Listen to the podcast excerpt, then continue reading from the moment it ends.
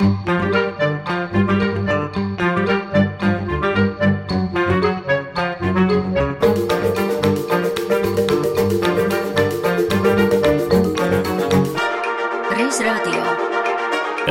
radio. Ar šodienas skatu pagātnē. Laba un raita valoda, skaidra dikcija un patīkams tembrs. Uz šiem trim vaļiem vēlams balstīties ikvienam profesionālam radiorunātājam. Ja balss tembrs kāds nu katram ir tāds ir, tad runu un valodu gan var izdrējāt. Un ar tādiem drējātājiem, pareizāk sakot, runas mākslas bijušām un esošām skolotājām un konsultantēm Ainu Matīsu un Ruti Runci runāšu šajā raidījumā. Viņas stāstīs par stingro disciplīnu ētrā senlaikos un valodas kļūdām tagad. Reiz radio. Droši vien, ka īsteniem grāmatu tārpiem Rutes Runces vārds saistās ar viņas tulkotajiem literārajiem darbiem - Tekerija liekulības tirgu, apdaika kentauru, Dikens Ziemassvētku dziesmu, kā arī Latvijas teātros iestudētās lūgas pilno sauļos un sālemas raganas ir Rutes Runces tulkojumi.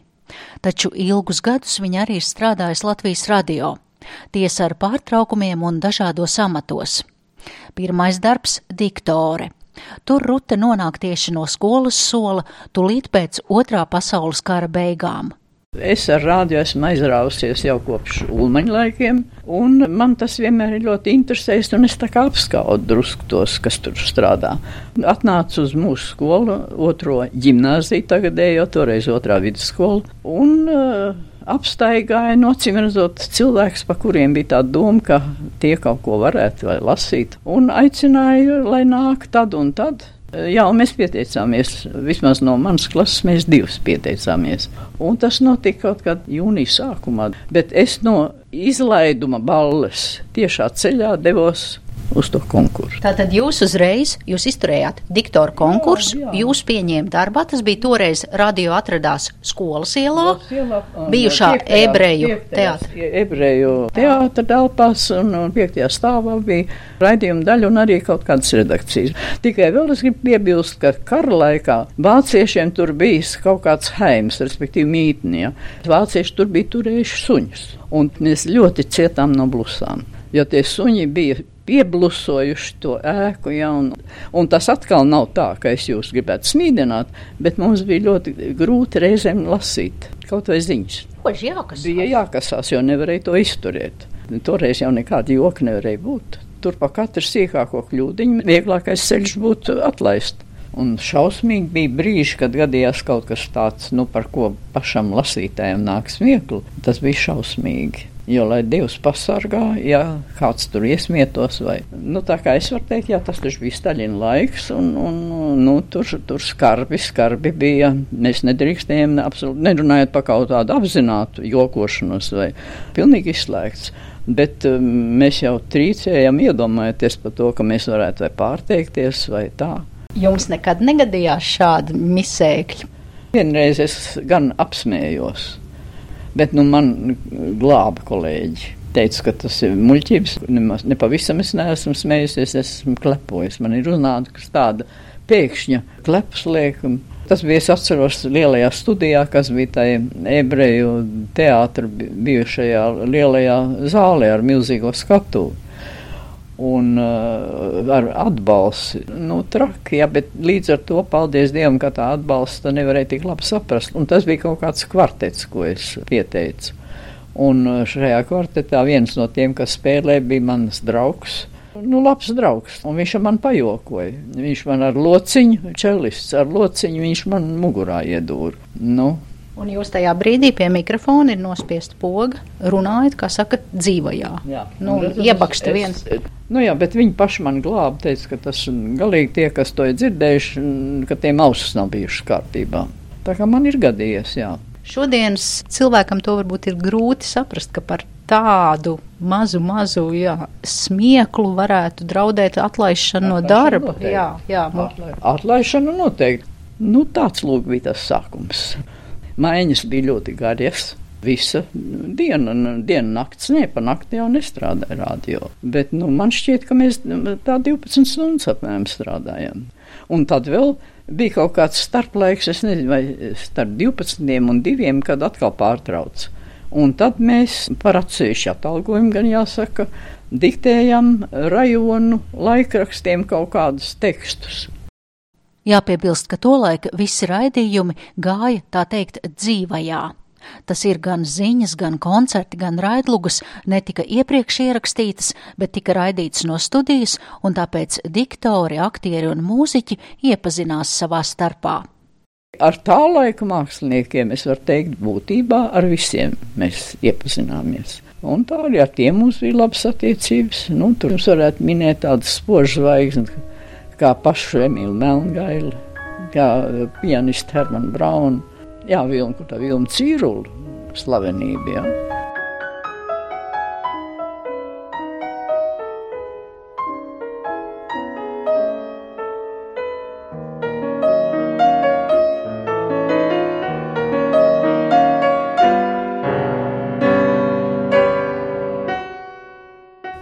Visi bija ārkārtīgi jauki cilvēki, tāpēc es varu teikt, man ir viss tādā gaišā atmiņā. Viņi turpat radio studijā arī muzicēja un dziedāja. Un, un, un mēs šķīrām notis. Ar roku, ja? Stāvējāt ar, līdzās? Protams, ar roku, bet tas bija tā sakot par blatu, jo tas oficiāli mums nebija līgumā. Līdzās diktors darbam Rute Runce nejaušības pēc nokļuva arī radiodramatiskajā ansamblī tika raidīta, nu, protams, atkal dzīvajā raidījumā. Viļa Lāča lūga māju par uzvaru. Un bija saslimusi aktrise, vai saslimusi, vai varbūt citu iemeslu pēc Irma Laiva. Es pat neatceros, kas tā bija par lomu. Mani pierāva pie mikrofona. No vienas puses viens aktieris turēja tekstu, no otras atkal kaut kāds man tur deva mājienus. Jāsaka tā, gluži latviski es pūtu vaļā. Ja. Nu, kas man cits atlika? Protams, es biju nobijusies. Bet, nu, laikam, to no, nobīšanos tik briesmīgi nepamanīja, ka pēc tam man uh, izsauca režisors Valdemārs Feldmans un teica, nav tie, kur vai ķēpāties ar tām ziņām.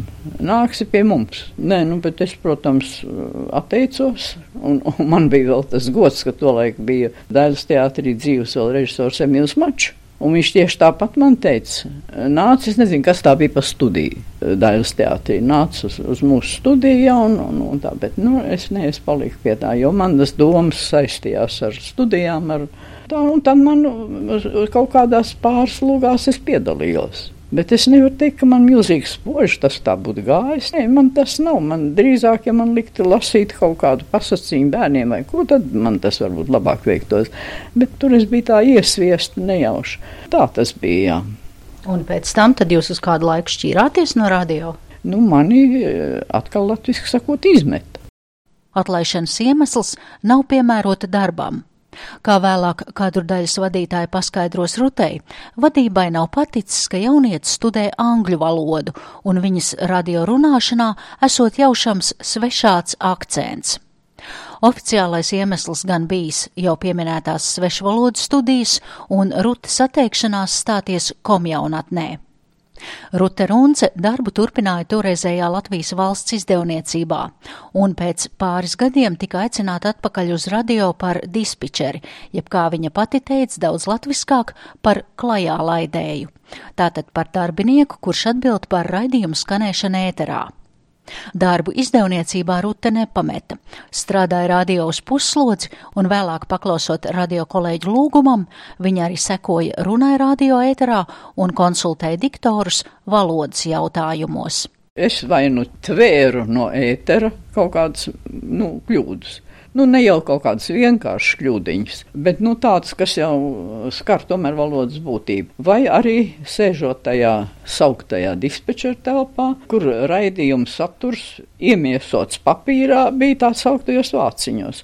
Un tur es varēju, jau sadzirdējusi kaut kādu aplamību, es varēju paskatīties, un man bija kartītes, sarakstītas kartītes, un, un viņas tematiski sadalītas, kas ir gramatikas stils, kas, nu, pat pareizi rakstība, jo pareizi rakstība nav nav ko smaidīt, pareizi rakstība arī runātajam vārdam ir ārkārtīgi nozīmīga. Tā un apmēram reizi mēnesī tika rīkots tāds sajiets, Un tur sapulcējās rādio ļaudis, kas tajā brīdī nebija vai nu pie mikrofona vai kaut kur, kaut kādos izbraukumos, materiālu vākšanā. Bet tie klausījās, un, un man jāsaka gods godam. Man tiešām ņēma nopietni, uzklausīja, jautāja, Tomēr arī skolotiem un profesionāliem diktoriem gadās kļūmes ēterā, un kopā ar Ruti Runci atceramies tās pārteikšanās, kuras vēl šodien ar smaidu piemin radio ļaudis. Plēnuma lēmumi, piemēram, klasiska kļūda, bet tas bija vienreizēja kļūda, bija Korš Korejā, kad bija Korejas karš. Nu, jo tas jau bija tā nodrillēts katrā ziņā, un nu, cilvēkiem paspruka. Un man šķiet, arī kaut kur radio grāmatā var lasīt to, ka diktors ir pieteicis dziesmu ripinī, grapinī, purinī. Nē, nē, nē, nē, jums nav pareizi informācija. Bija ripinī, grabīnī. Un vēl kaut kā purīni. Un purīni. Ripini, grabini, purini. Ripini, ah. grabini, purīni. Purīni, jā. jā. Tā tiešām bija, jā. Kad diktors pieteica, domādams, ka tas ir kādi itāļu vai nu itāļu jā. dziesmu vai itāļu jā. komponistu. Bet vienam vīrietim, diktoram, gadījās, kurš uzskaitīja, ka tur tango tāda, tāda valši un polši polku vietā. Jā, nu. Tas arī izskanēja ēterā. Ēterā, ēterā, jā. Valodas speciāliste bilst, ka pēdējā laikā viņa īpaši necenšas spicēt ausis un pierakstīt katru kļūmīgo izteiku, kas atskan radio un televīzijā. Tomēr ir tādi valodas negludumi, kas nepaslīd garām pieredzes bagātajai runas konsultantei. Tas smagākais, protams, ir stila jautājumi. Nu, tie tiešām ļoti, un diemžēl tie ir samaitāti, tieši stils ir samaitāts ar kalkiem, respektīvi ar tiešu, burtisku tulkojumu no citas valodas. Nu, mums šī nelaime jau, kā katrs pats sapratīs, nāk no krievu valodas. Otrs ir tagad, diemžēl, tāda paša nāk no angļu valodas. Jo tagad, piemēram, ko es noteikti gribētu pateikt, ja radio to ņem pretī, briesmīgas ir tās lietas, ka mums viss kaut kas ir lietas. Nekur nav vairs ne problēmas, ne jautājumi, vai kur būtu vienkārši jāpasaka tas, ko cilvēks gribēja teikt. Bet kur bija lietas, notiek pasaulē, nu, apmēram tā. Un arī tas, ka mēs vēl kaut ko pārņemam, nu, tik briesmīgi, kā piemēram izsauksmes vārdu vau. Latvijas saka vau. Akurāti kā suns, nu, tad es nesaprotu, kāpēc tas ir vajadzīgs. Nu, labi, e, sarunu valodā, nu, lai tur katrs runā kā grib, bet kāpēc tas jau parādās rakstos? Kuram normālam latvietim var ienākt prātā, ja viņam kaut ko skaistu parāda, un viņš uzreiz saka, vau. Latvijas teiks, ak, vai, vai, vai, ai, nu vienalga ko, bet ne jau vau, ne ņau. Ko gan es lūgtu? Un, ja jūs man atļautu, es pat lūgtu to, lai jūs laistu ēterā. Kā varētu lūgt vai panākt, lai nelietotos platos ē, e vietā? Nu, piemēram, kas ir visbriesmīgākais? Laika ziņās vai vispār, kur skaitļu vārds dominē? 4, 6, 7, 9, 10. Labvēlīgs laiks, es nepārspīlēju, vējš, un tā jūs kur viņi nāk, tā laikam ir e-adrese, kas beidzas ar LV, ja? LV. To nu vajadzētu apkarot. Un to atkal es saku savas lielās mīlestības vārdā, latviešu valodas vārdā. Radio, elektromagnētisko viļņu raidīšana un uztveršana. Tagad viena no runas mākslas skolotājām radio ir Aina Matīsa zināma kā tautas kino aktieru studijas vadītāja, aktieru mākslas pasniedzēja un skatuves runas pedagoģe. Mūsu saruna notiek pirms kārtējās nodarbības, un es lūdzu atļauju ielūkoties Ainas Matīsas sagatavotajās piezīmēs. Te šeit esmu rakstījis par to, ka sašaurinās mūsu vārdu krājums. Un tas ir pārsteidzoši, un es paskatījos vēl sinonīmu vārnīcā pat neizrakstīja visus vārdus, bet vārdam peļķe, nu, piemēram, palca, lāma, pelce, plančka, zampa, dančka un tā tālāk. Dančka ir blaumaņa vārds. No šiem vārdiem labākā gadījumā zina šobrīd jaunieši tikai vienu vārdu - peļķa. Tāpat ir ar vārdu vārds problēma, kas uh, skaidrojumā nozīmē jautājums. Pasaulē ir daudz jautājumu, par kuriem var strīdēties. Tā rakstīts skaidrojošā vārnīcā. Ja? Bet mēs tagad vienmēr runājam. Man ir veselības problēmas, naudas problēmas, dzīvokļa problēmas. Mums vairs nav grūtību, sarežģījumu, moku, mocību, smaguma, sūrmes, posta, negala. Man ir elle mājās. Ķēzes vai Mums ir ķibeles? tikai problēmas mājās, ķēzes un ķibeles. Mēs runājam, ka latviešu valoda ir ļoti nabadzīga. Mēs vienam vārdam varam astoņas nozīmes līdzīgas runāt. Runas skolotāja gan intervijas laikā gaņājas, ka viņa ir izdarījusi kļūdu piekrītot šai intervijai, jo viņas pašas balss nav nekāds labais piemērs. Aina smēja, ka daļa no balss pirms vairākiem gadiem ir palikusi guļot Stradiņas slimnīcā uz operāciju galda. Bet um, man pašai nepatīk īpaši runāt. Man patiesībā nevajadzēja ļauties šai intervijai, jo es nerunāju ar savu balsi, un es nu pavisam nevaru būt labs paraugs, jo nu, jau būs vairāk kā 15 gadi. Stradīnas slimnīcas operācijas gaitā jā, bija smaga operācija krūškurvī. Un, kad es kā atjēdzos, tad izrādījās, ka man ir paralizēta viena balssaite. Es runāju ar vienu balssaiti, un tā nav mana balss, ar kuru es runāju līdz 44 gadu vecumam. Labi, ka es vispār runāju. Priekšvēsture Ainas Matīsas radio balsu skološanai ir meklējama viņas dzīves biedra, režisora Arnolda Liniņa darba gājumā, kurš savulaik te pasniedza runas mākslu. Pēc Liniņa aiziešanas mūžībā Aina Matīsa tika izraudzīta kā viņa darba turpinātāja. Tie jau bija laiki, kad ziņas lasīja paši to gatavotāji, un diktori vairs nebija vajadzīgi. Tomēr, ja šajā raidījuma ciklā lūkojamies uz radio vēsturi, tad kopā ar Ainu Matīsu noskaidrosim, pēc kādiem kritērijiem savulaik izraudzījās diktorus. Toreiz eh, jau bija cita situācija. Patiesībā rīkoja konkursu tieši balsīm, un pēc balss tembriem izvēlējās cilvēkus, kam no dabas jau ir labs tembrālais skanējums. Nebija tā kā tagad, kā radiožurnālists ir vienā personā arī runātājs. Un bija ļoti krasi nodalīts. Diktori jau paši nerakstīja tos tekstus.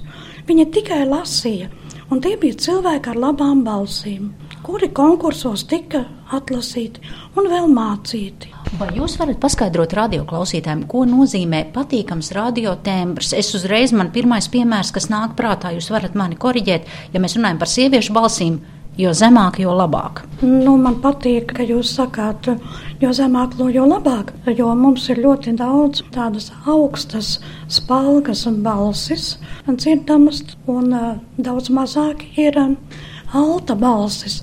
Bet vērojams, ko atkal tādi runas praktiķi raksta, ka vispatīkamākā balss patiesībā sieviešu balsis ir alta balsis. Tās ir siltas, mātišķas, un tāda balss, kādā mēs varētu iedomāties, ja mēs runājam tēvija vārdu tēvija. Ventspils jaunās autoras Ārijas Ozolas dzimtā puse ir zilie dundagas sili. Ar mežu arī sadraudzējās vēl ciešāk dzīvojot Staldzenes zvejnieku ciemā netālu no Ventspils. Kur mājo Ziemassvētku lielais brīnums? Jūs teiksiet, kurš gan to nezina? Bet vai jūs jau to esat atraduši? Aleksandrs Daškovs labprāt tiekas ar dažādu iestāžu jauniešiem, un viena no dziesmām, kuru tautas mākslinieks izpildījis jauno klausītāju auditorijai, ir Arvīda Žilinska Miera valsts. Daļa no Wolfganga Amadeja Mocerta otrā koncerta Mežragam ar orķestri. Pavadījumu Arvīdam Klišānam spēlē mūsu simfoniķi ar Imantu Resni pie diriģenta. Ceturtajā daļā darbojās dzēnieks Rudolfs Plēpis, Ancis Vairoks, Ulda Sanže, Arturs. Šajos ierakstos skanēja Laumas amatnieces, Māras Eglītes, Māras Krontālis, Aritas Grīnbergas un Sandras Glāzupas balsis. Atgriežoties pie tām balsīm, jūs pastāstījāt par sieviešu balss tembru, vai es arī varu lūgt tagad skaidrojumu klausītājiem par vīriešu balss tembru radiofonisku? Nu, atkal tādu robežu ir grūti novilkt. Vienkārši mēs arī dzīvē dzirdam sabiedrībā, ka vienam cilvēkam balss skan ļoti brīvi, un viņš runā vārdu skaidri ar visām galotnēm. Pašu balss tembru var nu, mazliet veidot, bet tas tomēr ir jau no dabas dots lielākoties. Mēs varam viņu padarīt brīvāku, atvērtāku, bet pats skanējums tas ir tomēr tā kā līdzīgi var vēlēties dziedāt operā, bet ja tev nav tā balss, var tā arī vari palikt vēloties. Ja? Te gan varbūt uh, nav tāds tik krasts tas dalījums tenors, baritons vai bass. Protams, arī tās zemās, sulīgās vīriešu balsis ir ļoti patīkami klausīties. Jums tas asociējās ar spēku, kaut kā ar tādu kā vērienu. Ik reiz ienākot studijā un aizverot smagās skaņu necaurlaidīgās durvis, gaidot iedegamies sarkanos signālu uguniem. Liekas, ka atkal notiks kaut kas pirmreizējs un arī neparasts. Kandava, Sabīle, Valdemāra pils, Dundaga, Slīteres zilie kalni Gājām kājām, braucām ar gadījuma mašīnām, ar autobusiem. Tas notika pavisam, var teikt, tā dīvaini, nejauši. Tika meklēta Viktorija, šeit nāca uz aktieru ansambli, un eh, Nelaiķis Veldmanis man deva palasīt avīzi. Un izteica tādas domas, ka es viņam ļoti piemērots Viktors. Ja latvietim muca ir līdz kaklam, tas nozīmē, ka latviešu galva ir no mucas ārā un vairs tajā neatrodas. Ar tādu latviešu galvu var kaut kas notikt, piemēram, tajā var ienākt kāda gaiša doma, jo vairs nav iespējams kārtīgi uzlikt. Jā, viņi tic tam tikpat cieši kā viens otram. Ja dārziņā acīs poruks ir latviešu zvejas geite, tad poruks dārziņā saskata latviešu mūzikas Mocartu. Viņi priecājas sastopot draugu, Tāpat kā priecātos par vadzvaigzni. Kā skanisks piemērs izvēlējos fragmentus no Borisa Potnieka, Ulda Deisona, Severīna Vilsona, Ērika Krama un Rihārda Kalvāna balsīm. Ar to arī izskan reiz radio, kur par runas mācīšanu un radiobalsīm stāstīja bijusī radiodiktore, dispečere un runas konsultante Rute Runce un runas mākslas pasniedzēja Aina Matīsa. Raidījumu veidoja Zane Lāce.